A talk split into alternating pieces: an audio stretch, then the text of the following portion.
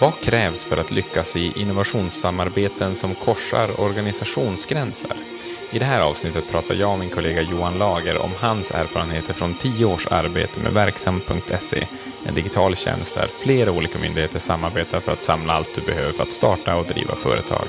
Vilka var egentligen nycklarna för att få till gemensam action och orka hålla ut? Välkommen till Transformationspodden. Hej, Per här på Hello Future. Om du gillar den här podden så har jag ett tips till dig. Som du kanske vet så finns det sedan en tid tillbaka en eh, europeisk standard för innovation som heter ISO 56000. Och den skulle jag vilja lyfta fram.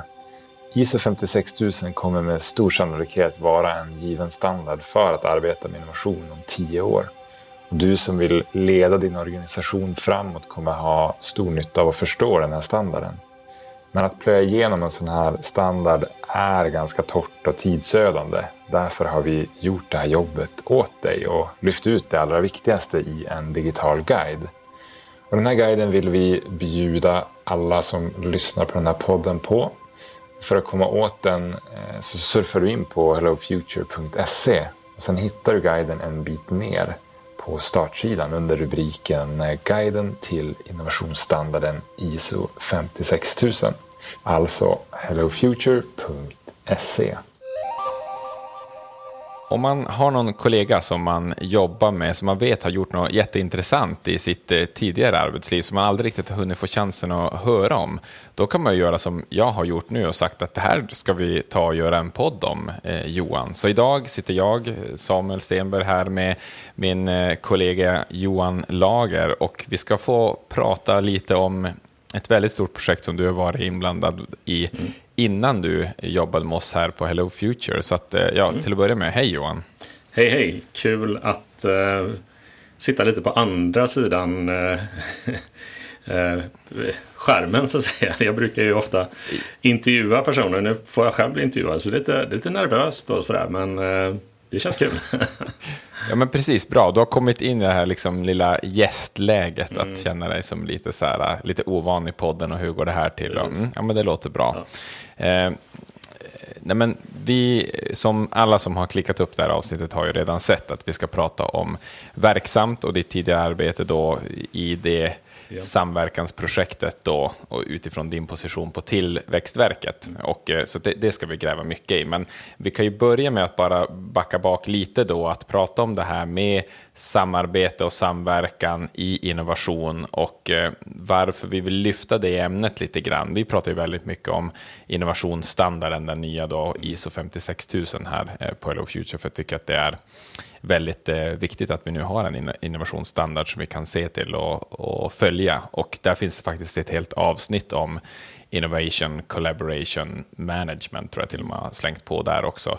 Så att eh, det lyfts fram som en väldigt viktig del i ISO-standarden att faktiskt eh, samarbeta. Och jag tror att hela det avsnittet börjar också med den poängen att eh, ingen organisation kan liksom eh, hävda att man kan skapa alla värden själv och göra allting själv, utan det viktiga är att kunna identifiera var måste vi faktiskt ta hjälp och hur och hur kan vi liksom nå ut nå någonting större genom samarbete, samverkan. Vi, har ju en, alltså mm. vi kommer ju använda begreppet samverkan här då, som jag vet inte Johan, det känns som att det kommer mycket från offentlig sektor, men ja. vad, vad, innebär det egentligen? Och så där? Jag vet inte, vad, vad, ska vi börja med bara den terminologigrejen? När du ja. säger samverkan, vad, tänker du på då? Enkelt, vi, vi, är inte de som skapar definitionen Nej, här, men bara för vårt avsnitt. Man här. får hålla tungan rätt i mun Jag kan slänga in ett till ord då, samhandling finns det också. Det finns många, många begrepp som, som flyter runt i, i offentlig sektor, men jag ska väl eh, först och främst säga att det handlar om när man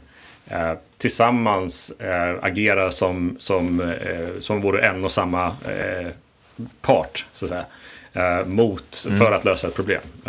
man, man, man, man levererar ett gemensamt värde ut mot, ja, mm. det offentlig sektor, ut mot medborgarna. Och då, då har man kommit ganska långt i, i samverkan. Och det här nya värdet då som vi pratar om i, gäller innovation då att vi, eh, mycket, man pratar mycket om att de, de värdena som vi behöver skapa i samhället för att möta framtidens utmaningar och, och utveckla samhället, det, eh, Eh, det värdet eh, ska man försöka skapa tillsammans. Och då, då, då måste man gå in i någon typ av samverkan eh, helt enkelt.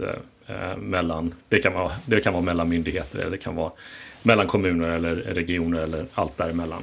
Mm. Och jag tycker en viktig lärdom också, återigen som standarden understryker, är ju att, eh, att aktivt eh, kliva in i ett typ av innovation collaboration kan ju faktiskt, faktiskt också gälla inom en större organisation mm. mellan avdelningar ja. eller tvärs över de här eh, siloserna ja. som vi ju alla tyvärr vet uppstår. Mm. Att eh, de principer vi kommer att prata om här, alla lärdomar som du har från arbetet med verksamt, mm. tror jag är högst angelägna att applicera om man ser att i mitt bolag så har vi, vi har faktiskt lite silon här som inte är så vana att samarbeta och så. Eh, det finns, jag vet, en liten bild som, standarden är ju väldigt torr om man nu har mm. läst den, vi har ju läst den några varv, men den gör en liten metaforisk liknelse där, eller inte en metafor kanske, men i alla fall så lyfter den fram det att ofta kan det vara mer samverkan eh, mellan två helt olika bolag, men medan deras till mm. exempel de mjukvaruutvecklare, de kan samverka mer för de träffas i samma kluster och hänger på mm. samma barer på kvällarna och snackar kod, men de har mindre samverkan inom sitt ja. bolag gentemot exempelvis sin marknadsavdelning eller ja, säljaren eller något sånt där, utan de samverkar mer tvärs över bolagen på grund av då att man har samma skillset och eh, kulturella saker och sådana där. Så att det, det, finns ju väldigt mycket att göra även vad gäller samverkan inom mm. organisationer, kan man, ju, kan man ju säga. Ja, jag tror att alla, alla känner igen sig i de här metaforerna. Du sa ju silos, eller man kanske pratar om stuprör då, eh, mellan organisationer och sen Sen finns det ju då inom organisationen kanske man säger att det finns sugrör också då som man måste trixa med. Så ibland kanske man har brutit upp en del stuprör för att eh, skapa det här nya värdet då mellan olika organisationer, det kan vara företag och så vidare. Men så brottas man mm. med att eh, man får inte ihop de här lite, eh, lite, lite mindre silosarna då som finns i vardagen kanske mellan, bara mellan kollegor. Så att, eh, jag tror, det, det, tror jag nog alla kan relatera till och, och, och ser att det är ett hinder till att, att skapa den, de nya värdena som vi vill skapa. Så att, um, mm. därför, därför är naturligtvis samverkan väldigt ett ganska hett ämne skulle man säga inom, inom mm. offentlig sektor just kopplat till, till ämnet innovation. Inte minst. Mm. Var, varför är det så tror du nu? Alltså, det är inte som att det inte har varit hett tidigare, Nej. men det känns som att eh, temperaturen stiger. Ja, så att säga. precis. Um, ja, men jag försökte, även om det var ungefär två år sedan jag, uh, jag lämnade uh, myndighetsvärlden, uh, i att jobba i, i, på en myndighet så, så ser jag att det är ökat, ökade initiativ och eh, något som är aktuellt nu är bland annat Vinnovas lansering av Samverket då, som, som kommer här i dagarna Eh, Eh, den, den, borde ha, ha lanserats eh, ungefär när vi släpper den här podden. Eh, någon typ av, av coworking eh, ställen som, som man startar då där när, när myndighetspersonal ska kunna komma samman och eh, jobba på eh, tillsammans för att lösa olika utmaningar och eh, försöka, det ska försöka eh, främja innovation. Så här är ju, det här är en satsning då som, som Vinnova gör som jag tycker är intressant att uppmärksamma också för våra lyssnare att det här är någonting som som pågår. Det, det, det händer inte i, i ett vakuum då, utan det, det händer ju att, att man vill göra mer och man måste ta mer handlingskraft för att samverkan ska kunna bli av. Så det krävs ju en del mm. insatser också. Det kommer inte ske av sig själv. Nej, um, precis. Och det, det, känns ju som eh, någonting vi kommer att återkomma till genom hela storyn här nu. Vi ska börja gräva i, i eh, caset här kring verksamt. Att eh, det, det, är en sak att eh, försöka skapa samverkan då, eller innovationssamarbete, mm. vad du nu sätter för stämpel på det, genom att sätta folk på samma plats, eller vi ska mm. bygga ett nytt hus, ett nytt mm. initiativ och så. Men sen, det, det, kan ju kanske vara ett steg i det då, eller så vidare. Vi får höra vad dina erfarenheter mm. är här nu, hur, hur ni lyckades då i caset med verksamt. Men sen så mm. måste ju komma vidare till, återigen, innovation ska faktiskt komma ut av det. Innovation mm. har realiserats när man har någonting på marknaden som skapar värde.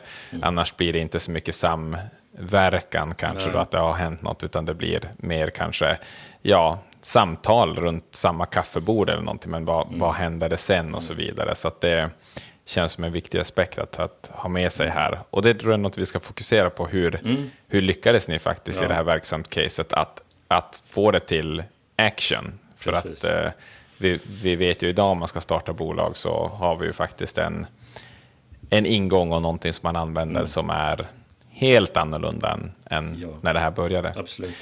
Men, men eh, Johan, ska vi, ska vi göra det här uh, historiska hoppet och backa tidsmaskinen? Mm. Hur långt tillbaka i tiden är det vi backa om vi ska börja gräva i hur världen, världen innan verksamt, innan ja, det här precis. samarbetet inleddes då? Ja. Det är någonstans 2003, 2004, ja, var är vi? Nej, jag skulle nästan vilja gå tillbaka till 1994. Eh, först oj, och främst. Oj, oj, oj. Fotbolls-VM. ja, mm. men det var ett fint år för oss vi som fick uppleva det. Uh, nej, men jag skulle vilja bara kommentera det här. Det finns en, uh, det du pratade om tidigare där också. Det, jag, jag, märkte ju av en, när jag var ute, jag var ju lite av en evangelist då. Jag var ute och, och slet mycket sula som vi sa, det var ute på vägarna. Eh, för att eh, få in fler personer, eh, fler organisationer och regioner och så vidare in i samverkan. Och man märkte ju av en enorm trötthet på det här begreppet. för att man har försökt och man ser inte riktigt att det ger så mycket resultat. Ehm, och det, det, det är ju en helt legitim fråga att ställa sig. Men blir det inte bara teater av det hela, att vi samverkar för samverkans skull och så vidare. Um, och jag tycker det är helt okej att, mm. man, att man måste också ifrågasätta varför, varför behövs samverkan då. Och jag hoppas att den här podd, podden ska kunna vända på det, uh, på den frågan lite grann. Uh, för att den är ju väldigt behovs... Um, um, man måste, man, man, måste anpassa den frågan till vad är det för behov eller vad är det för värde vi ska skapa. Eh, så att samver- vi vill inte prata om samverkan för samverkans skull här, även om, även om standarden och eh, Alltså logiken är ganska självklar att man måste utanför sin egen organisation för att skapa nya värden och så här, tänka utanför. Eller sin egen, e, egen silo som vi var inne på. Eh, men med det vi kommer till sen då, vi, vi, vi pausar lite grann. Men men, men det är bara för att adressera den oron som ofta finns när man går in och man är ganska trött på det här ämnet så säger det att, att uh, det är inget uh, självändamål att samverka. Uh, men det kan definitivt Nej. vara det. och den här, det här samtalet hoppas jag kan ge lite, lite insikter i när det blir väldigt aktuellt att samverka. Då. Eh, men mm. skulle vi tillbaka till 94 eller? ja, det var du som sa, det var du som valde 94. Jag trodde inte det var fullt så långt. Uh, men uh, du får berätta vad, varför vi ska dit bak i tiden. Ja, alltså, det, precis. Nu ska vi inte göra det här till en jättelång historia. Men det, det, det är ändå... Um, uh, jag, jag, brukar börja där när jag pratar om, om myndighetssamverkan. I alla fall från från perspektivet där jag jobbade då, en, en myndighet som hette Nutek då på 90-talet och sen blev Tillväxtverket lite senare. Um, och eh, vi fick ett, då ett uppdrag att starta en, en telefonlinje. För det var precis det som var väldigt hett på den tiden. Inte minst med att det har varit ett EU-val och eh, folk hade mycket frågor. Så var den här typen av, av tjänster etablerades då. Och eh, man hade ju då under en längre tid upp, eh, uppfattat att det är för krångligt att starta ett företag i Sverige. Det är ingen som har riktigt koll på hur man ska göra och i vilken ordning. Eh, och det är många myndigheter, det är många instanser som man eh, i värsta fall behöver få kontakt med när man ska starta ett, ett företag. Um, inte minst om man ska starta då till exempel en, en restaurang som vi kan komma på uh, sen, uh, lite senare. Men uh, där, där det krävs då även kontakt med, med kommuner och olika andra tillståndsgivare. Så att man, man inrättar då något som heter startlinjen. Eh, så jag tycker det är ändå ett, ett bra, eh, för att förstå logiken vad man byggde vidare på sen. Eh, det vill säga att man kan ringa ett nummer och mm, få, mm. få ställa vilken fråga man vill. Och sen fick, blev man, fick man informationen, man blev vidare slussad då till rätt myndighet. Så det var kanske ett sätt att Eh, på något sätt slussa vidare folk i de här olika silosarna då, eh, av information. Eh, men vad som hände var att de som jobbade med startlinjen pratade med otroligt många nyföretagare. Eh, hundratals och hundratals nyföretagare dag, eh, vecka in och vecka ut. För den här tjänsten blev ganska populär naturligtvis då eftersom det fanns ett stort behov för det. Ehm, och eh, egentligen så, så, så, så den här kunskapen om eh, företagens eh, problem i den här djungeln. Eh, eh, den, den, blev ju väldigt stor på Nutek. Alltså man hade väldigt mycket kunskap om företagens verklighet och eh, eh de, de, eh, den huvudverk som, som man hade. Så det man gjorde var att man, man försökte samla ihop den här informationen och göra den överblickbar. Och sen fick man ett, eh, ett uppdrag egentligen att starta en, en webbsida sen lite senare på 90-talet då myndigheter började få webb, webbsidor. Eh, där man samlade ihop den här informationen och försökte göra den överblickbar. Men Eh, och, och, och, samtidigt med det så fick även Skatteverket och Bolagsverket ett uppdrag mm. att starta företagsregistrering.se då. Där man skulle börja, det gick väl eh, inte så lätt att starta ett företag online då i, början av millennieskiftet. Men eh, det var i alla fall en, en start på det. Mm. Eh, men det man såg också var att eh, här, här, det här är väldigt svårt att rodda på egen hand. Eh, man behöver för att kunna göra den här informationen eh, säkerställd, att den är uppdaterad utifrån lagstiftning och, och, så vidare, så måste man börja ha olika typer av konversationer med andra myndigheter för att den här informationen ska kunna vara korrekt på den här webbsidan. Då. Ehm, så den webbsidan hette Företagarguiden och eh, den, den innehöll väldigt, mycket, uh, ja, väldigt mycket information eh, och fick mycket uppmärksamhet och lite, lite priser och sådär för att vara en, en bra samhällssida. Då, så så jag tänker på att det, det, är ju väldigt intressant där då, att det låter lite grann som att en tidig katalysator eller någonting som drev på det här var den ändå ganska mm. breda insikten man hade i, i kunderna, kan man väl kalla det då, liksom, ja. liksom, företagsstarternas eh, eh, vardag här, att man hade så mycket insikt att liksom, här finns det problem, vi får de här typen av frågor. Ja. så jag tycker bara att det är så, eh, ofta ser man ju bolag slash myndigheter som är kanske lite rädda för att ens rota i det, men då låter det som att här var det en väldigt viktig katalysator, då, att man hade den insikten ja. att här, här måste vi göra någonting ungefär.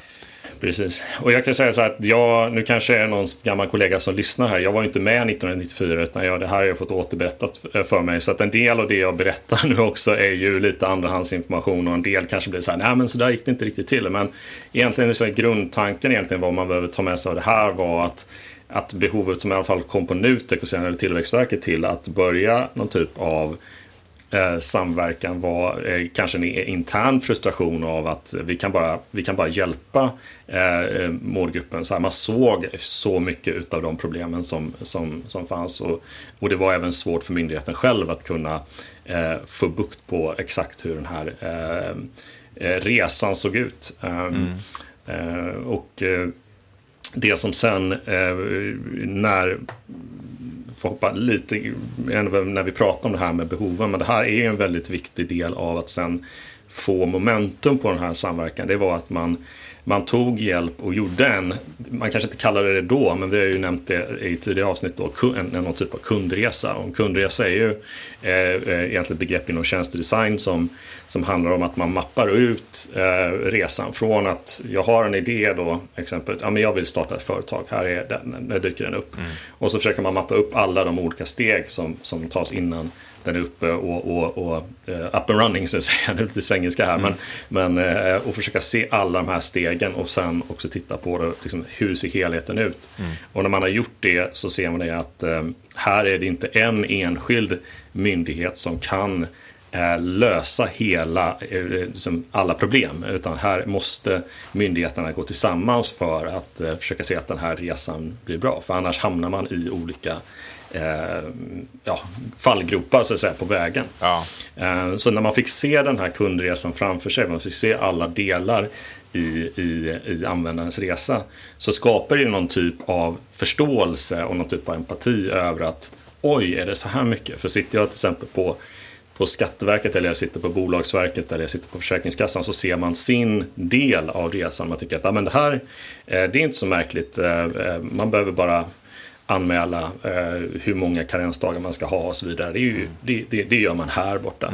Mm. Eh, och då såg man kanske inte då från den myndigheten eller från Försäkringskassan i det här fallet såg man inte alla de andra utmaningarna. De andra, liksom, man såg bara sin lilla glänta i skogen och tyckte ja. att nej, men det här är inga problem. Eh, men när man började se liksom, den stora massan av hur, den, hur stor den här djungeln mm. faktiskt var från ovanför då bör man se att okej, okay, för att göra medborgarna en tjänst så behöver vi nog snitsla banan och kratta vägen lite grann här. Ja. Och även guida personerna genom ja. den här djungeln så att, så att de faktiskt inte tar alls för lång tid ja. att komma fram. Det, det, är ju intressant just det där med att få insikt i den. Jag såg ju lite i dina anteckningar här, eh, den, en version i alla mm. fall av den liksom stegkartan och så, med de här också rödmarkerade, då vart hade vi de här våra pain points. Och det är som du säger, det är ju inte ett steg. Men jag tycker det är en, en, ytterligare en viktig poäng där är ju det här att när man målar upp en kundresa på det sättet och ser det framför sig, att man verkligen får chansen att sätta sig in i användarens liksom, eh, användarens perspektiv. För det första, man ser mm. alla stegen, inte bara som hos min myndighet eller min lilla som jag ser, men, men även att tänka, okej, okay, vad är man i för läge här? Vad har man för eh, känslostämning? När man just haft kontakt med det här och det kanske var krångligt och man kände sig lite nervös ja. och så. Jag, jag, hade, jag har startat eh, företag vid, vid ett tillfälle mm. där då, precis, det var ju efter att Verksamt fanns. Och jag kan säga att det, det, var ju, det var ju nog ansträngande, för att du är ju i ett hyperläge. Alltså du har satsat, jag hade just varit student och sen skulle jag gå in med ett aktiekapital, för jag startade ett, ett, ett AB. Liksom. Jag, alltså, du vet, man har, jag har vänt på alla spargrisar, tömt på alla för att liksom kunna starta ett aktiebolag. Ja, så att det är, ett, det är ett utsatt läge och att då slussas mellan äh, olika myndigheter som kanske inte har liksom förståelse för, för det läget jag är i, det, det blir väldigt jobbigt. Liksom. Så att det är så viktigt att komma in i det där äh, mindsetet hos en liten Samuel i det här fallet då, som ska starta ett ja. aktiebolag och så vidare, att kunna ta hand om det mm. på, ur ett så holistiskt perspektiv som möjligt. Så att, äh, mm, jag är väldigt glad att jag gjorde det här efter att ja. du hade gjort din insats Johan, så tack för det. Ja. Ja, nej, det, det uh, you're welcome. Ja. Så nej, men, men uh, så, att, så att, uh, lite bakgrunden där skulle jag säga det är det viktigaste med den delen av historien. tycker jag, för det, det egentligen var min roll blev när jag började, jag började 2007 och det är väl en, en bit efter även det här myndighetssamarbetet då som började 05 mm. som vi kom till. Det är egentligen att jag, jag äh, var, anställd att äh, jobba bara, både med startlinjen och med olika typer av informationsinsatser. Där jag var ute och träffade den här målgruppen. Så att, äh, efter ett par år så hade jag kanske mer eller mindre en roll av att ha någon typ av användarperspektiv på allt som, som togs fram. Och det var ju lite i det här samverkan eh, som bakgrunden till Nutek och Tillväxtverket då, eh, det var att, att eh, liksom hålla samman eh, företagens perspektiv. Mm. Eh, att det skulle vara så enkelt som möjligt att starta företag. Så det var ju som vår grunduppgift i, i det här samverkan sen då. Eh, mm. Så det eh, var någonting jag jobbade med många, många år då för att försöka titta på och vända de här insikterna av företagens problem till att sen bli bättre tjänster då, bland annat mm. på, på verksamt.se. Mm. Så där har vi lite bakgrund till, till där jag själv jobbade. Men, men för att backa lite grann då. Vi, så 2005 då startade ett, eh, liksom officiellt startade ett myndighetssamarbete mellan eh, på den första starten var det fem stycken myndigheter då som eh, och det finns andra gamla kollegor som har bättre, som bättre kan förklara precis hur det gick, eh, gick till. Men egentligen var det ganska spontant mellan eh, man stod på en, på en mässa och alla myndigheter hade sina egna mässbås egentligen. Och så pratade man med varandra och man hade ju kontakt med varandra och så vidare. Och så var det ungefär så här att, men varför vi, vi, har ju samma, vi, vi har ju samma uppdragsgivare och vi har samma eh, målgrupp. Varför, varför betalar vi Eh, och varför står vi på olika delar av den här stora mässlokalen? Mm. Eh, varför tar vi inte våra, eh, spara lite pengar och så, och så gör vi det enklare för, för, för blivande företagare eller företagen att gå till, till en monter och träffa myndigheterna. Mm. Eh, så det var egentligen liksom inget, det tycker man ju idag är så här, rocket, inte rocket science. Men på den, delen, på den tiden så var det ju det var inte så vanligt, det var inte så självklart mm. att man skulle göra det. Um, och egentligen var det så att ja, men nästa stora mässa är om ett år, kan vi inte göra någonting innan dess då? Mm. Uh, och då kom man fram till att ja, men vi kan hålla en, ett seminarium eller vi kan hålla en, en, en dag då som man kallar det, starta mm. företag-dagen. Uh, där man då sam, försökte samleverera information till folk som kom, ja. vilket blev väldigt populärt. Mm, Okej, okay. så det blev lite som en sorts lite som en live-prototyp, att nu, nu samordnar vi informationen ja. bara på en mässa här till att börja med. Liksom, vad händer om man inte ja. måste gå till fem bås, eller hur många det nu var, utan till ett ja, bås. Precis, liksom, precis. Så eh, fick man testa på lite där. Ja, och, och egentligen så här, första eh, versionen av den här dagen då som man, man anordnade eh, var, ju antag, var ju lite grann att man fick gå och titta och lyssna på fem olika stuprör då, egentligen. Mm. Men, men det var i alla fall ett väldigt stort ökat värde för, för de som kom. Mm. Att eh, wow, nu, kan jag, nu får jag lyssna på alla myndigheter och prata med alla myndigheter mm. på, på, en och samma dag. Då, mm. och det är kostnadsfritt. Um, så, men innan, innan man, man, man eh, lanserade den så, så hade man ändå förankrat med Eh, med generaldirektörerna på, på myndigheterna. Eh, man ville ändå få eh, man såg potentialen i det här att det skulle bli något mer och man, man tog det samtalet med, med högsta ledningen i alla myndigheter och sa kan vi få en liten budget och driva det här, inte som ett projekt egentligen men som ja, pilotprojekt men för att testa hur, hur, hur väl faller det här ut hos eh, företagen. Är det här någonting som, mm. som, eh, som, som, kommer bli en succé eller inte? Mm. så, att, så man fick väldigt tidigt, och så säga, det är också en nyckel här då, som vi kommer in på. Det är ju liksom att liksom, tidigt som möjligt så behöver man det här mandatet från högsta ledningen. Mm. Eh, och politiken, det är också eh, någonting som, som eh, eh, naturligtvis backar upp här också. Eh, att, att eh, det, fanns, det fanns en agenda också från politiken. Eh, jag kom in eh, när Maud Olofsson var näringsminister och hon drev ju en väldigt stark agenda att, att enklare, göra det enklare. ta bort regelkrångel för företag, ta bort onödig administration. man säger att det kostar företagen en miljard per år. Eller nej, det kostar inte en miljard, men ökningen av kostnader för företag ökar med, med, med en, en, sammantaget med en miljard mm. varje år. Det här måste vi måste på något sätt eh, liksom göra det enklare. Vi måste dra ner regelbördan för företag. Så att, mm. Har man också näringsministern i ryggen bakom det så får det sen ganska bra skjuts så att säga.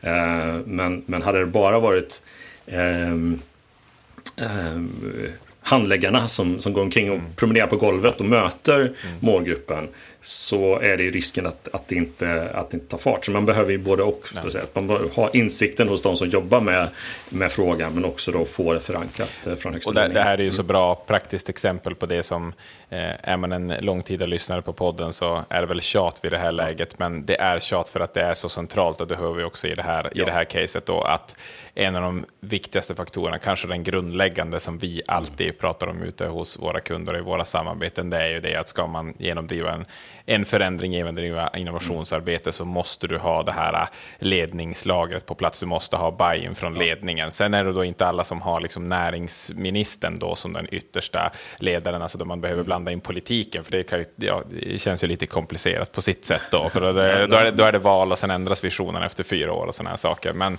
men, men en annan sak som vi också alltid pratar om nu vad gäller, för nu fanns det ingen ISO-standard då i den här tiden som vi rör oss nu, men ISO-standarden slår ju fast då att Eh, en vision är central i en innovationsstrategi för att återigen för att det är ju också sant, det har man ju sett av lyckade och det låter ju som att det fanns här då också någon, jag vet inte hur, hur uttalad var den eventuellt, fanns det någonting liksom nedtecknat att eh, här är en vision eller var det mer en, en delad idé på något sätt? Hur, hur, skulle du säga på vilket sätt var liksom en vision delaktig i det här arbetet? Det kanske kom senare eller hur? Ja, precis. Alltså jag, som sagt var, jag, jag är inte bäst att berätta om just de här tiderna, men det, det kom ganska snabbt på plats någon typ av eh, ja, eh, gemensamt väldigt enkel eh, vision av att eh, göra det så enkelt som möjligt för så många, möjligt, för så många som möjligt att starta och driva företag. Mm. Och att eh, det skulle göras i att myndigheterna tillsammans skulle eh, samla, kvalitetssäkra och leverera information till den som ska starta företag. Mm. Och det var, det var sättet fram då. Eh, både, både byggt på insikterna om behoven och kundresan.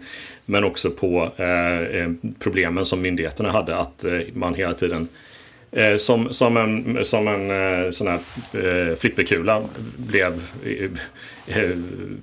omkastad mellan myndigheterna och märkte det att vi kan, inte, vi kan inte lösa det här på egen hand utan vi måste göra det tillsammans. Så man börjar då alltså som sagt vara i en liten skala och det, det är egentligen en, eh, tror jag är en nyckel ändå att få med sig här när det gäller att lyckas eh, långsiktigt med samverkan. Alltså gör, jag tror att jag har sagt det i tidigare poddavsnitt också, men gör det minsta lilla. Liksom att, eh, att gå ut och hålla en föreläsningsdag eh, och pröva det är ju bättre att komma igång med än att vänta på att den här stora visionen där då som, som fanns redan egentligen i, i, i väldigt liksom i, i, i någon typ av frö i att det fanns de här sidorna, Företagarguiden och företagsregistrering. Att Jo, men en väg in, en digital väg in där du gör allting på nätet. Det, den, den, den kommer ta väldigt lång tid att bygga upp. Men mm. finns det någonting att göra nu som skapar det här på något sätt, eh, påbörjar det här värdesystemet eh, där man kan, man, man kan leverera då eh, tillsammans. Och det som händer också när, när, när handläggare från olika myndigheter kommer ut och, och, gör det här. Det är, dels så lär de känna varann och det blir ett härligt gäng. Mm. och dels så ser de också värdet som skapas. Eh, liksom den, den, de här starta företag-dagarna till exempel då, de fick ju enormt bra eh, respons från de som kom. Mm. Alltså enormt bra respons. Det var ju succé. Det var ju nöjdhet på 99,5 5% eller liknande på alla enkäter. Mm. Vilket ger ju en boost in att bara, det här är ju kul, det här är ju bra, det här borde, vi borde väl göra det här också. Mm. Um, och, eh, och, och, från det så skapas ju nya idéer och nya, eh, ja, nya leveranser. Mm. Um, och då var det just det, man hade, man hade en, en, en liten budget, man hade ett okej okay från, från generaldirektörer och chefer. Och inom den ramen så hade man egentligen ganska stor frihet att ändå börja plocka fram nya saker som man såg behövdes. Um, en, en, sak på en sån här mässa då så så stod, eh, jag har en gammal bild på, på en av de här första starta företag mässorna där man då var tillsammans då till slut då efter eh, det här första året. Och det var liksom staplar på golvet med broschyrmaterial. Alltså du hade ju Skatteverket hade säkert 6-7 olika broschyrer. Mm. en för aktiebolag, en för moms. En, um, och när man tittar på det här berget så säger det, vad, tänk, tänk, om vi bara hade en enda broschyr. Mm. Det är bara en enda broschyr och den, den ska inte vara så tjock.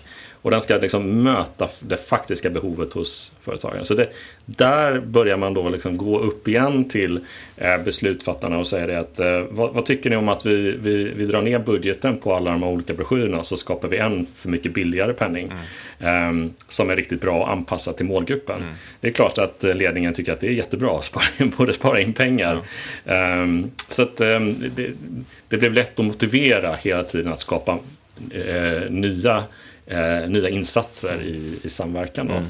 Ja, men jag tycker bara den här mm. liknelsen som du har nu återkommer till det här äh, mässgolvet så att säga med de olika montrarna. Det, det, är ju det är väldigt talande. Och för du, jag vet, du nämnde tidigare här nu i diskussionen att ja, man, eh, det, det, det, kanske verkar som det inte, inte rocket science. Det är självklart att vi skulle samarbeta och så, men jag skulle vilja hävda, jag utmanar väldigt många av våra lyssnare, skulle jag vilja säga, oavsett om jag är i privat bolag eller eh, i, i offentlig sektor, att tänka så här, tänker ert mässgolv och tänk så här, vänta nu här, skulle inte vi kunna skapa ett mycket större värde, alltså innovera tillsammans med andra här genom att liksom kanske stå tillsammans? Eller liksom, jag vet inte, vi, vi är i skogsbranschen och det, vi, vi säljer ju kranen och ni har någon gripare där borta och ni säljer ju däcken vi ska köra på liksom utifrån användarens perspektiv, finns det ett sätt att skapa större värde här och, och, och samarbeta med någon som är och kanske inte nödvändigtvis konkurrent, men som inte riktigt uppenbart är i samma läge som oss, men vänder du på det från användarens perspektiv så kanske vi kan skapa större värden tillsammans. Jag tror att det, det, det alla samarbeten som skulle kunna göras är absolut inte initierade än, så det, det, är en, det är en tankenöt att, att ta med sig, tycker jag. Eh, Absolut. Men du, spännande. Då tycker jag sen som att vi, vi har eh, fått en liten bild här av den här eh, initiala visionen som fanns och det mm. låter som att det också var ganska drivet då av lite, lite labbande då, prototypande, testande. Att nu väldigt. testar vi här med ja. broschyren och så här och så börjar man få en mm. väldigt bra respons och det i sin tur leder till att nu har vi, nu har vi lite buy-in här. Nu kan, vi, nu kan vi argumentera för att det här måste vi göra mer av. Så det, det är också mm. helt i enlighet med hur vi vill se en innovationsprocess drivas på något litet frö, en vision i början, men sen måste du ut och på något sätt få, en, få ett belägg för det så att du inte sätter dig och tänker upp något på kammaren i åtta månader som du faktiskt inte har belägg för att det här kommer skapa värde, utan du måste ut och börja samla bevisen då. Eh, ja. Men, men jag, jag, är nyfiken på att höra då, för då börjar det här komma igång och sen du kom in någonstans här i bilden och så man börjar få igång lite ett samarbete här mellan då så tänker jag, eh, när, när vi pratar det här ledningslagret i innovationssystem så vill vi alltid belysa den här kulturaspekten, att bara förmågan mm. att jobba tillsammans. För här tänker jag bara att det måste ha varit någon typ av mardröm att plötsligt ska mm. liksom kulturen från flera olika myndigheter ska samverka. Ja. Och, alltså, jag är nere på sådana här vems, vem kommer vi till på möten? Vem är det som tar till orda? Liksom, hur delar man upp det? Hela den här, alltså, berätta lite ja. hur din, din erfarenhet var där. Liksom, och vad, var, vad var framgångsfaktorer för att få ihop arbetssätt och sådana saker? Ja, alltså det är ju naturligtvis eh, är det ju ingen dans på rosor. Nej. Alltså det är ju det är naturligtvis det. Eh, men jag tror också att vi hade tur i att det var många som, som där poletten trillade ner och där, det, där man var väldigt så här, öppen för att eh, eh, ja, skapa nya relationer för målgruppens bästa. Eh, så att jag tror att ganska snabbt så, så, så, så föll liksom den här prestigen eh, försvann rätt mycket hos de här kanske lite större myndigheterna som, som Skatteverket och Bolagsverket. Sen är, ska man in, alltså om vi pratar om olika maktkamper och, och, och revir och sånt där, eh, ska jag säga det att eh, vi kanske vi ska prata med, med någon annan om i det här, men definitivt så har jag mycket erfarenhet av det. Men jag tror att en, en nyckel kan vara att du ändå har en myndighet då i, eh, i Tillväxtverket i det här fallet. Som inte har en, en, jag ska inte säga att har någon viktigare roll, men som har en intern roll mer än en extern roll. Alltså det har, om du har till exempel Patent och registreringsverket så är det inte så konstigt varför man vill eh, lyssna på dem och samtidigt lyssna på Bolagsverket som har, du har företagsnamn och så har du eh, varumärkesskydd till exempel. Eh, då har du en myndighet som egentligen kan kan, kan liksom stötta upp det. Men hur skulle ni kunna hålla en presentation tillsammans?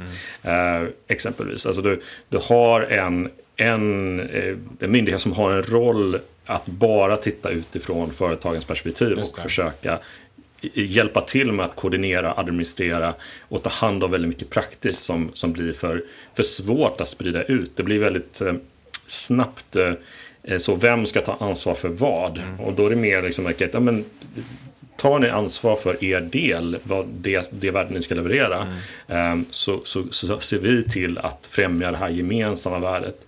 Um, så det tror jag nog att, att, att det är en, en nyckel. Jag tror att många som till exempel jobbar på, på regioner som lyssnar kan, kan eh, identifiera sig i att man tar ofta den rollen i till exempel regional, regional samverkan mellan olika aktörer. Att man försöker vara lite neutral, man försöker se eh, lite längre och man försöker, se, få ett helikopterperspektiv eh, på frågan och, och, och, stämma av också mot, eh, mot politiken. Mm. Um, så, jag, så jag tror att det, för att liksom, få det där att ske och den här, eh, den här demokratiska ledarskap eller det här eh, sättet som man måste ha i de här sammanhangen var tvungna att växa fram och då, har du, då, då behövs det lite så här en en person att skylla allting på. En, en, en myndighet och säga att Nej, men det funkar inte det här så ni måste styra upp det. Mm. Um, mm. Um, men naturligtvis ett, ett stort, ett nästan separat avsnitt hur man hur man leder och, och coachar och, och, och, faciliterar samverkan. Jag tror att det som vi pratar om i eh, och som vi mer och mer började eh, applicera kanske de sista fem åren jag var där var ju, är ju tjänstedesign och de, de, de metoderna som, och verktygen som vi har mm. eh, som vi på Hello Future jobbar med. Alltså att kunna jobba med, med workshops med medbestämmande från hela gruppen och mm. alla får komma till tals och ingen, ingens röst är är högre än någon annans. Då. Mm, mm. Eh, men samtidigt ska jag säga det, om vi pratar mer ledningsperspektiv också, så, så är det naturligtvis så att lite myndigheter som kanske inte hade en så lika stor leverans som andra myndigheter inte behövde betala med lika, lika mycket personal och lika mycket insats i, i form av pengar och eh, så eh, i sen den, den myndighetsstruktur eller det, eh, den myndighetsorganisation som blev samverkansorganisation så att säga mm. som fanns. Så där, där behöver man också titta på att Eh, Okej, okay, nu vill eh, den här aktören vara med på ett håll, ska inte betala lika mycket. Så att det behövs ju ändå någon typ av, av eh, eh, rimlig proportion till hur mycket man ska delta i samarbetet. Det behöver inte vara alla ska delta på exakt lika stor procent mm. i en samverkan. Mm. Eh, så, så att, eh, det tror jag också är viktigt att man har det här. Man ser det att vissa, man måste ta lite olika roller. Mm. Eh, och lite mer ansvar. Mm. Men, men ändå då en någon sorts ryggrad att falla tillbaka på, låter det som. De, det är liksom ja. Tillväxtverket i det här fallet som har en sorts hovrande roll, ett sorts övergripande ja. ansvar för kundresan, tänker Precis. jag då. För det här är ju det är en utmaning som vi ser, om vi backar tillbaka till vi tar bara inom ett enda bolag, en organisation. Att vem är det som, finns det någon som har ett helhetsansvar för det här? Alltså det är, det är ju, vi är ju alltid supertydliga med, och, vi, och även i, i ISO-standarden så är det tydligt att det är ju ledningen som har det övergripande ansvaret för, för visionen och strategin. Men sen när man börjar komma lite mer ner på hur bygger vi på och skapar insikter och förstår vad en kunder är, så ser till att i det dagliga arbetet så har vi kunden i centrum. Var, var ligger den på? Vem är det som äger den? Så då, då blev det i det här myndighetssamarbetet då, så, så var det Tillväxtverket. Ja. Men internt så kan ja. man säga att okej, okay, olika avdelningar, vart ligger den här pucken? Är det jag säger ofta att det blir kanske marketing eller ibland sälj som driver så här. Vi måste vara kundcentrerade och liksom sådana här saker. Men ja. det, det, har ofta komplicerats. Det behöver komma högt upp från ledningen. Liksom, och sen mm. antingen att ledningen gör det eller att någon specifik mm. avdelning så säger att liksom, vi jobbar med liksom, användarresan. Vi koordinerar de andra avdelningarna och ser till att de bidrar med det de ska. Och så där. Men det, det är inte mm. helt det är inte helt enkelt. Men, men det, det, det, låter, och det låter ju i det här mm. caset som att det, det stärker ju att det är den bilden man bör ha för att lyckas. Ja, men det är, eh, inom forskningen eh, när det gäller den här typen av dynamiska sam, samarbeten så börjar man prata om eh, brobryggare och såna här olika roller då som, som, som behövs. Då. Det, är, det är ju personer och, och, aktörer som, som finns till för att få, eh, få olika andra aktörer att eh, liksom limmas ihop då. Mm. så att, säga, att, att, att, få, få, få smörja, smörja det här, eh, så här systemet som man börjar bygga upp då. Mm. Mm. Eh, och förstår man det, att, att man har den rollen och att det finns en tydlig roll för det. Eh, den kanske inte alltid är uttalad, men, men naturligtvis så ser man den så, så förstår man att den är väldigt värdefull. Ja, det, definitivt. Så att är det klapp, klapp axeln till alla, alla lyssnare som, som smörjer och limmar och bygger broar. Det, det är ja. väldigt, väldigt värt. Eh, verkligen, verkligen. Är det något mer som du vill eh, lyfta och zooma in på vad gäller just den här eh, kulturen och det, hur, hur just sam, samverkandet på ett daglig basis kunde, kunde lyckas? Eller fanns det fallgropar? Jag tror att vi... Nej, men jag, jag, tror just det här igen att, att det fanns eh, en kultur av frihet under ansvar. Eh, jag upplevde det i alla år jag jobbade där att det, det fanns väl, man kunde med, med små medel få, få påbörja initiativ um, när man såg ett behov. Och så här, borde vi inte göra det här? Kan vi inte få en liten pott pengar att liksom, testa det här? Mm. Um, så, att, så att jag tror att den kulturen var naturligtvis inte uh, självklar på de enskilda myndigheterna kanske på den tiden. Men just i myndighetssamverkan och då tror jag att många från kanske de lite mer tungrodda myndigheterna upplevde det väldigt kul att vara med i, i, i de här samverkansinsatserna. Eh, för där fanns det ett, ett utrymme att vara lite kreativ. Mm. Eh, det, var, det var lite så här känslan av att vi försöker bygga upp någonting nytt och det fanns, eh, där fanns det mycket frihet under ansvar. Och den, den typen av kultur tror jag har varit liksom, enormt viktig för att det här ska kunna liksom hålla på så länge det är gjort då. Eh, det är ju idag, sex, jag har hållit på i 16 år och sen eh, verksam.se då som vi, vi har inte pratat så mycket om själva, själva verksamt men, men det, det lever inte, som sagt var, den webbsidan som många ser lever inte i ett vakuum. Eh, utan den, den föddes ju ut ur, ur eh, eh hårt arbete med att få få, få liksom sam, samsyn mellan myndigheter um, och sen börja göra saker tillsammans och börja hitta liksom ett, ett gemensamt språk, mm. uh, ett gemensamt sätt att, uh, att agera som, uh, som en och samma. Så, så när väl Verksam lanserades, första versionen 2009 och, och 2009-10 då, så um, så fanns det en infrastruktur för att gå ut och prata med kunden om att nu finns verksam.se eh, och eh, det, det lirar väldigt bra med de andra eh, ehm, liksom produkter, samverkansprodukterna som man hade. Mm. Ehm, så, så då, kände, då kom det väldigt naturligt ut att det här, är, det här är myndigheternas gemensamma insats för dig som startar företag. Mm. så att det, det, höll, det, det höll ihop väldigt väldigt bra sen när, när, när verksamt kom. Uh, och jag tror att då just den här resan att det, det, man måste vara uthållig och det har ju gjort, det har ju varit mycket hårt arbete och mycket fallgropar som du säger då på, på vägen. Men, men håller man ändå den här eh, visionen eh, stark att ja, men det handlar om att göra det enkelt för företagarna och då har personer som är ute och träffar företagen på regelbunden basis och ser de här problemen så, um, så, så, finns det ändå så här hela tiden en, en, ny, förnyad vilja att göra mer mm. eh, och göra det bättre och komma längre. Ja. Um, Så att, ja. Nej, men det är ju precis det, det, är det som är kraften i att när det är ursprunget till någonting är användardrivet och du har en, en, en stor förståelse för det problemet du löser och för den smärta som kunder upplever. upplever. Att det, är ju väldigt mycket av motivationen och fortsatt drivkraft hämtas ju därifrån. Och det, det ser man ju att när då utförare hamnar för långt ifrån det som man sitter och kodar någonting eller sitter och vänder något papper och administrerar någonting där man slutar tappa, vänta nu, för vem är det jag gör det här? Vem, vem skapar jag värde för i slutändan? Liksom när det här har tuggats igenom vårt system, då, då blir det svårt att hålla motivationen uppe helt enkelt. Det, det är så. Så det känns som att det återkommer hela tiden, det här användardrivna centrumet och stora förståelsen är det som ja, får mm. det här att tugga på. Absolut.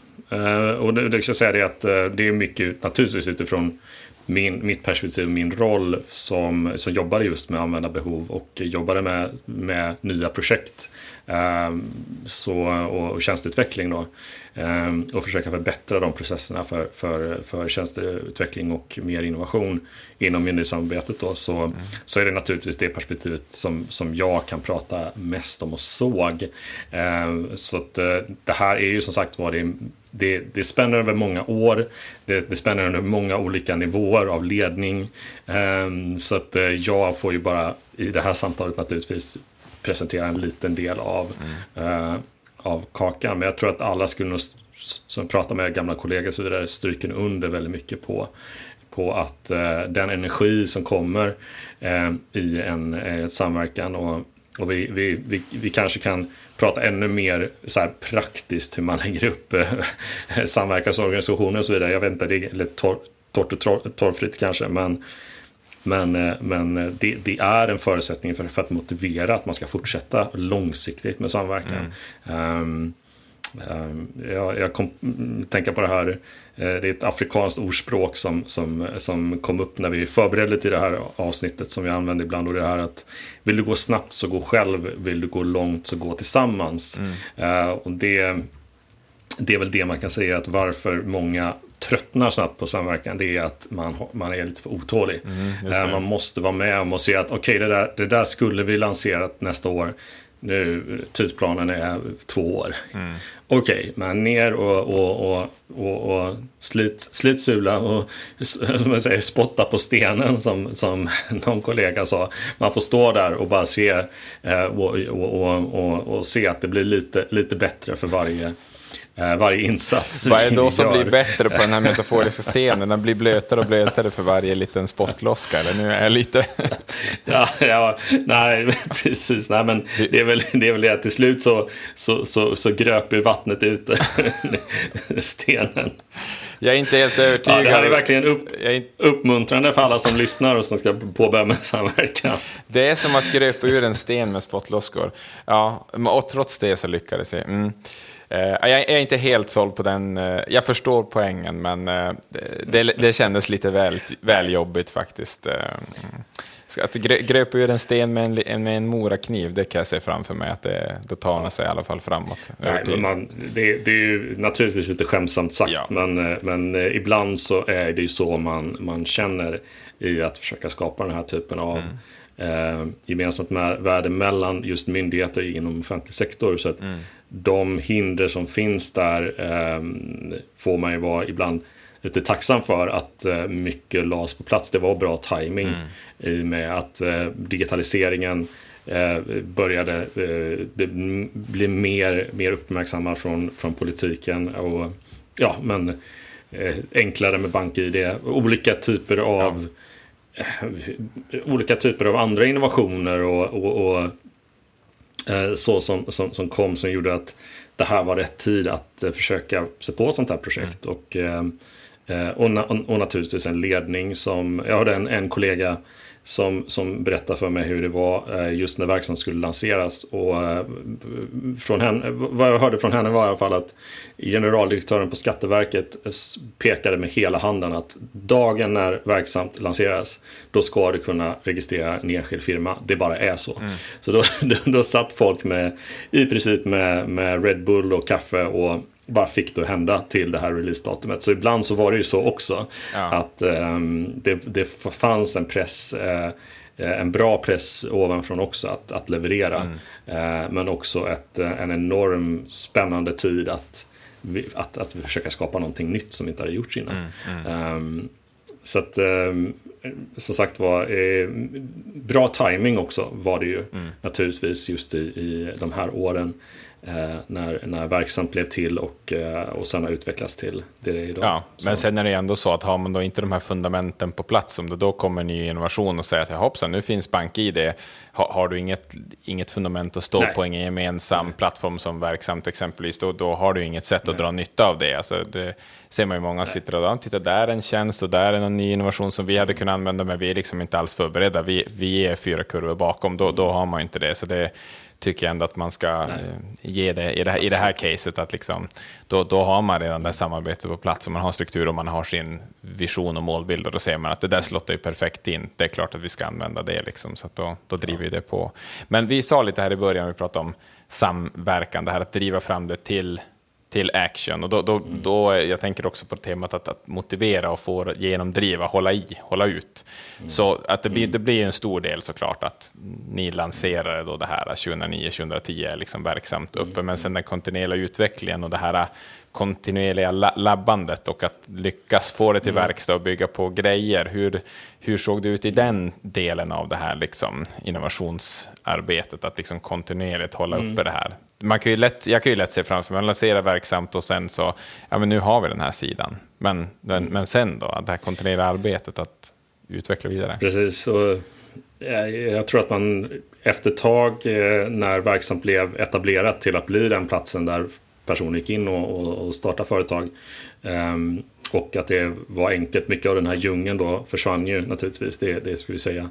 Ehm, så, så börjar man också kika på hur det såg ut i andra länder um, som har kommit längre. Uh, England, Danmark, Estland, Holland och såg att ja, men vi, eh, vi har stagnerat lite grann. Mm, mm. eh, vi, vi, vi, tog oss så här långt och vi bygger på, vi gör saker och vi skapar värden men eh, det finns så mycket mer. Det går, det går att göra så mycket eh, mer av, av det här. Och då börjar man titta på digital tjänsteutveckling och eh, liksom vad, vad ska man kunna accelerera den här takten, innovationstakten i, eh, i myndighetssamarbetet. Och, och då började vi liksom se att det behövs en mer liksom, tydlig innovationsprocess mm. för myndighetssamarbetet. Alltså det behövs ett sätt att få ihop och inte göra saker och ting lite på spontant. Men det här, är, det här verkar intressant att göra. Det här, vi, vi testar det, var mycket, mycket labbande och, mm. och, och, goda idéer. Eh, men för att få mer, kunna, kunna ta det längre så behövdes det ett mer systematiskt liksom, en, en process där, där saker och ting eh, jobbades igenom ordentligt.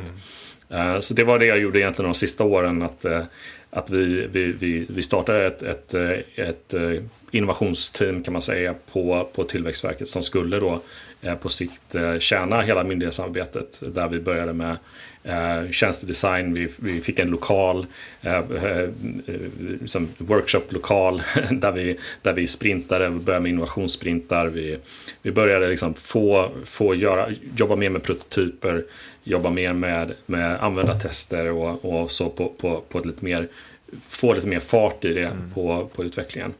Um, så det är väl det, är väl det som, som man ska säga att börjar man ofta, som sagt det kommer ifrån något mer analogt samarbete och med, kopplat med digitalt och sen när det blir mer och mer fokus de sista åren på att ja, men det kommer vara digitalt, det är där det kommer finnas hemma.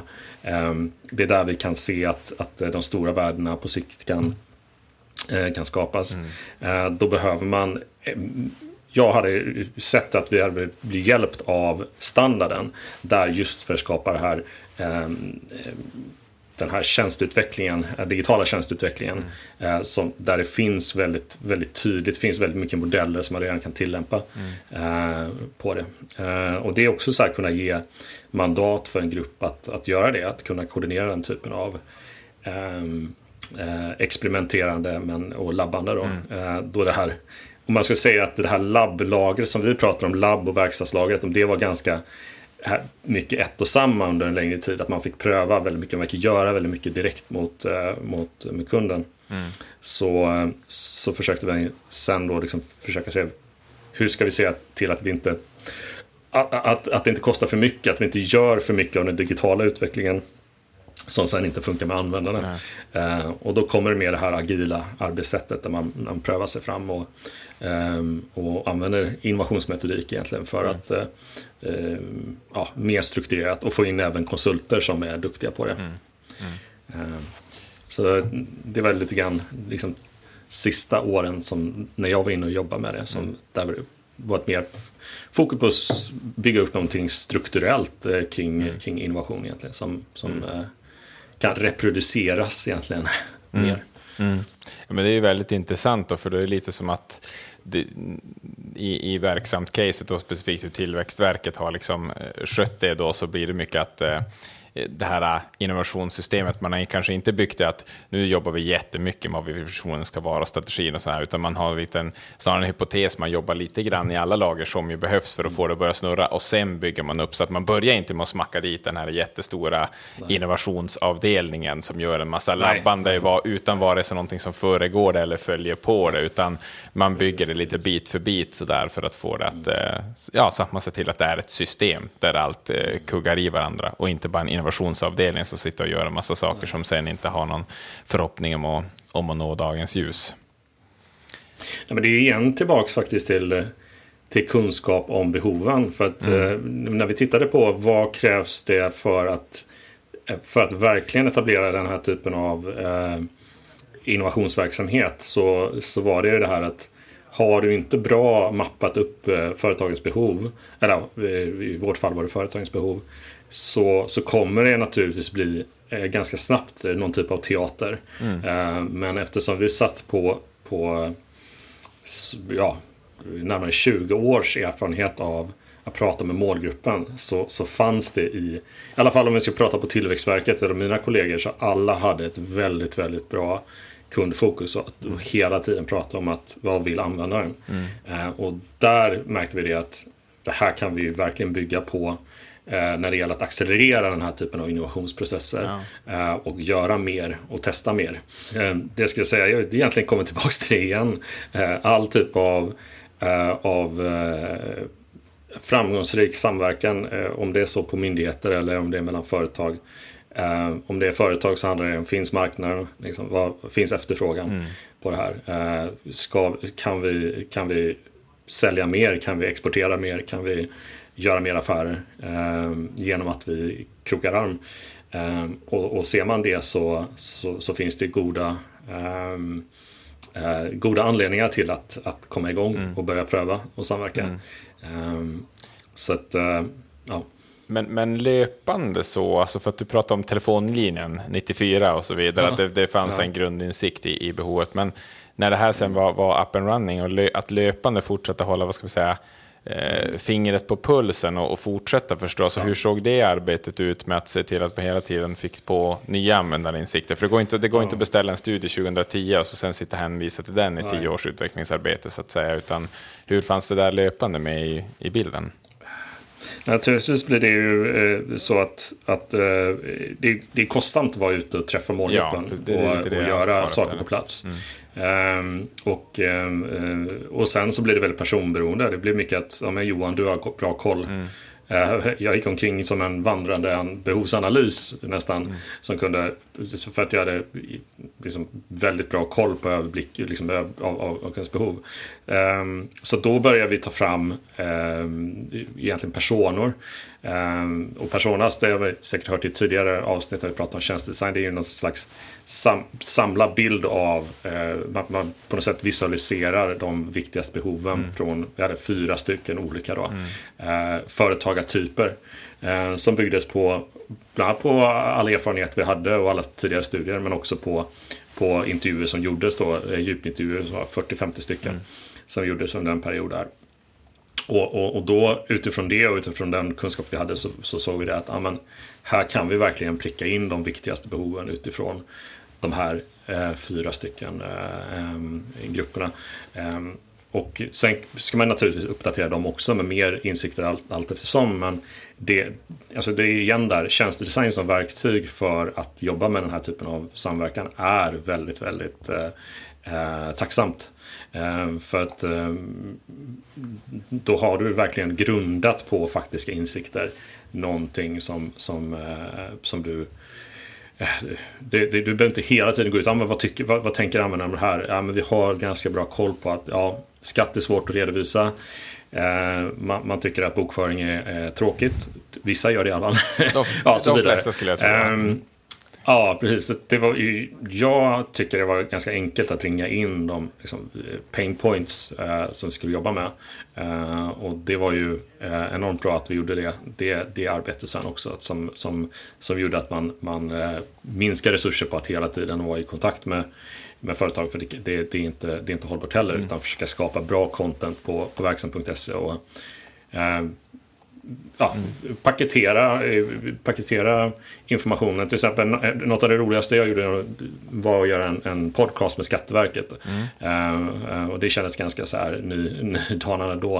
Uh, men uh, Skatteskolan då, som också blev en succé. Istället för att vi hela tiden försökte göra nya, vara ute och göra skatteträffar, det gjorde väl Skatteverket själva då. Men jag försöker paketera det i en podd istället och göra den riktigt bra professionell eh, skapade, löste ju väldigt många eh, resursproblem för oss också. Att ja, men nu kan vi hänvisa till att det finns ett avsnitt när vi faktiskt pratar om moms i 30 minuter mm. här med Skatteverket. Mm. Lyssna på det. Um, så att, uh, ja. Mm. Men jag, jag, är bara intresserad, jag vill gräva lite mer i den här bilden. Du säger att du ja. en, en vandrande behovsanalys. Menar du då liksom att det här att du återigen tillbaka på mässgolvet, ute och lyssna eller satt och kollade vad man fick för mail på kundtjänst? Eller hur, vad hade du för då liksom spröt ute för att ja. pejla in behoven hela tiden? Ja, Nej, men jag, tror, jag tror att det var eh, de första åren var jag ju, eh, jag var bland annat eh, ansvarig för startlinjen ett par år. Eh, jag var ute och höll i, i över hundra eh, starta företag-dagar, modererade. Jag var på mässgolven. Jag var ute och pratade med, med, med företag. Eh, mm. Så att eh, det var ju en hands-on, liksom så vi jobbade mm. först. Eh, och sen blev det mer användaranalyser och kundresor och sånt mm. eftersom. Då. Mm. Så det är ju det som är när du har väldigt mycket kunskap som sitter i medarbetare på på Tillväxtverket och naturligtvis på de andra myndigheterna också mm. så blir det ju inte hållbart om någon slutar eller eh, så vidare, någon går i pension. Um, så det var ju också en, en, utmaning att kunna paketera den samlade kunskapen som fanns under så många år mm. eh, och sen kunna kommunicera den och eh, eh hela tiden bygga verksam.se utifrån de insikterna ja. Eh, som, är, som naturligtvis var grunden. Mm. Ja, det är ju Ja. Tänk att eh, de här personerna med, med tjänstespruten ute, dels måste man ju ha en anledning eller en vision och veta liksom att mm. men det finns en kanal in för det användardrivna arbetet. Att om jag är ute och träffar ja. många och har Eh, om jag sen vet att det finns ett forum där jag kan Precis. komma och här ska vi prata om hur vi kan utveckla vår kundresa. Jag har nya, okej okay, vi vill fördjupa den här personen för nu märker vi att behoven mm. sticker i den riktningen. Dels tänker jag att det krävs för att man ska vara riktigt sådär perceptiv. Mm. Men i övrigt så är det ju jättemånga som går i organisationer och har den här kunskapen som jag tror att man inte riktigt nyttjar mm. på på bästa sätt för att det finns inte det här, mm. eh, ja, men det finns inte den här kontexten som, som suger upp det, utan det kan ju vara så enkelt så att man, man sitter på de här guldgruvorna som man inte riktigt eh, nyttjar vad gäller kundinsikter och insikter i behoven. Eh, så det, det tror jag är någonting alla, alla kan ta med sig också, Absolut. att eh, börja använda de personerna. Ja, men du, väldigt spännande. Nu har vi egentligen vi har varit igenom hela resan här. Vi har pratat om de olika dimensionerna här i, i, i innovationssystemet, även om det var inte så som ni kallade det då, utan det var liksom lite learning by doing och ni byggde det bit för bit. Så det tycker jag är väldigt intressant, ja. och, intressant att höra. Eh, för att börja runda av och knyta ihop säcken så, så tänker jag liksom där att vi inledningsvis pratade om det här med att samverkan är hett och vi nämnde att samverkan också är, jag menar att det är, det är svårt. Vi, vi saknar lite de här, vi vill ju lyfta verksamt, dels för att du har en sån insikt i det, men vi tycker också att ja, men det är ju ett eh, kanonbra exempel på ett till synes och kanske komplicerat eh, samverkansprojekt mellan jättemånga olika myndigheter och sådana här saker. Och, ja. och, och det, de växer inte på träd, de här exemplen. Så att det, det tycks ju vara svårt att, att få till det på det här sättet. Så jag vet inte om vi någonstans vill landa där och se vad som, vad, varför är det så svårt? Vad är nyckel takeawaysen från, från, från det här vi har, vi har pratat om nu. Vad, vad tror du? Ja, det, det, det, finns många svar på den här frågan just varför, varför det är så svårt att samverka. Men en, eh, en viktig insikt som jag fick var att det på något sätt så är myndigheter och offentliga aktörer, jag tror man man drar, man drar på något sätt, det finns någon slags default-läge där man drar på att liksom se till att leverera på sin kant. Eh, göra sitt uppdrag som man har fått och leverera på det mm. först och främst. Eh, och eh, resurser, det är väldigt svårt att få loss resurser till eh, att jobba i mellanrummen. Mm. Mm. så, så där tror jag det behövs en, kanske en annan typ av styrning. Nu har vi inte den här liksom, styrningen i Sverige där man säger från högsta, ja men ni, ni, aktör, ni, ni måste gå upp och samverka här. Utan det är väldigt mycket utifrån den egna myndighetens styrning att, att initiera den här typen av samverkan naturligtvis. Um, men, men det, det, tror jag är någonting som, som hindrar mycket nu när vi går vidare här och försöker se hur, hur, hur kan vi lösa samhällsproblemen? Hur ska vi kunna lösa eh, Eh, jag menar det här exemplet som vi hade då med starta företag. Nu har jag jobbat två år med en rad olika kunder i en rad olika eh, sektorer inom offentlig sektor. Man ser ju att alla har ju ungefär samma problem. Alltså man känner, man, är, man, man kommer bort, det är mycket byråkrati. Man måste vara sin egen projektledare när man ska göra ett ärende och så vidare. Ehm, så att eh, här, det är, finns ju enormt mycket att lösa på det här sättet att gå ihop och förbättra processer, både internt på, kanske som, som du är inne på, på en, att samverka inom en myndighet eller en kommun. Mm. Men också, titta här, när måste vi samverka emellan för att lösa problemen? Eh, och då, då, behövs det det här svängutrymmet att, eh, att säga detta, men vi kan eh, vi ser att lägger vi resurser på att lösa problemet tillsammans med andra så kommer vi spara in det i slutändan. Mm. Men jag tror att det, det är fortfarande svårt att se när man, man är på när man, man driver en verksamhet på, på en myndighet eller inom offentlig sektor. Att se att vi kommer faktiskt dra mer nytta av det på längre sikt så att säga. Mm att jobba, att jobba i, i samverkan än att göra det själva. Ja. Um, och det, det är ju det är den här ihärdigheten igen där att försöka se att uh, okej, okay, um, ehm, ehm, det, det, blir uppenbart att, uh, att vi behöver samverka för att lösa det här problemet men det kommer ta väldigt lång tid och det kommer ta lite mer resurser. Är vi, liksom, kan vi dedikera oss till, till den resan? Mm.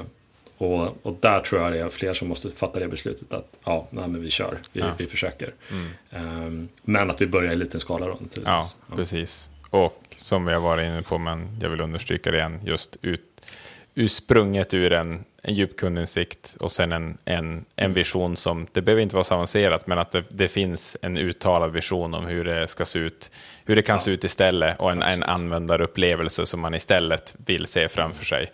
Och det är liksom, du har ju visat för mig en illustration, jag vet inte när den uppkom, men jag tycker att det är en fin, ni har, hade någon sorts före-illustration där en, en, vad ska man säga, en företagsstartare då står där och eh, det är bara ett, en röra runt den här personen och den ja. har ett liksom ilsket ansiktsuttryck för att det är liksom en röra av 10-20 mm. mm. olika liksom eh, kanaler och avsändare av olika information. Och sen finns det en bild bredvid den där liksom allt flyter i, ett, i, en fin ring. Det är liksom mycket ja. färre touchpoints och man ser det här uttrycket på den personen. Mm. Kombinerat med en vision som också ledningen har köpt in på eh, som är uttalad så att säga och en sån tydlig bild, det, det, kan, det kan räcka väldigt, väldigt långt. Ja. Om det då backas upp att det faktiskt finns insikt om att det, det är så där irriterande och så där, så där tomatröd man blir om man har liksom 15 ja. olika touchpoints för att starta ett företag. Mm. Ja, men den där, den, den där bilden du har sett, det, fanns ju det funnits många varianter av den bilden mm. under alla de här åren. Mm. Så jag, jag vet hur stark den, den bilden är att förankra, att få ja. liksom upp, att aha, ett, en, en, en aha-upplevelse mm. hos många, eh, både chefer men handläggare och generaldirektörer för den delen på myndigheter som har jobbat just med verksamt. Att Ja men det är naturligtvis, eh, det ska inte vara så. Att, eh, som, som i den ena bilden där det är rörigt, där det är djungel, mm. frustration. Det ska inte vara så. Det ska inte vara så att starta ett företag. Utan det ska ju vara, eh, det ska vara en upplevelse där, där eh, det, det i alla fall blir så enkelt som, som möjligt. Mm. För så många som möjligt. Ja. Eh, hur långt kan vi stretcha det? Liksom? Mm. Naturligtvis kommer det alltid vara svårigheter och jobb att göra administrativt jobb. Men hur mycket kan vi, ja, hur långt kan vi ta det här mm. egentligen? Och, och det, den, den bilden, den visionen och den, det, det gör ju att, att man, man, man härdar ut och, och är intresserad. Jag, jag var ju kvar så pass länge tror jag. En av anledningarna, inte bara för, jag vill säga att jag har otroligt fina kollegor. Men en av anledningarna var att jag alltid var intresserad av vad, vad kommer vi ta oss nästa, nästa sex månader. Liksom. Vad, vad, hur långt kan vi ta till, till mm. nästa år? Mm. Um, så um, jag hade alltid en nyfikenhet också på att ja, men vi tog oss faktiskt dit. Och så, mm. men hur kan vi, vi kan göra det lite enklare, vi kan ta oss lite längre. Um, och har du, har du personer i det systemet, i det samverkan som, som tänker så. Ja. Uh, det, det är ju... Uh, då, då, då, då, blir det hållbart. Mm. Ja, men det är väl en jätte jättebra, lite så här eh, poetisk liksom, eh, slutpunkt tänkte jag. Bilden, men alltså, ja. fyll en organisation med personer som har den drivkraften och den typen av motivation. Och, och sen mm. frågan var kommer den ifrån? Ja, då tror jag att man har svaret i hela den gångna timmen här i den diskussionen. Vad som kan bidra till att man mm. känner så. Så att det är jätteviktigt. Och så sen att man är redo redo att karva ur en sten med, med spottloskor. Eh, det, det, det, det, det är när vi talar långsiktigt. Det, det tar jag med mig. Det tar jag med mig. Det, det är viktigt. Då behövs stark motivation i botten.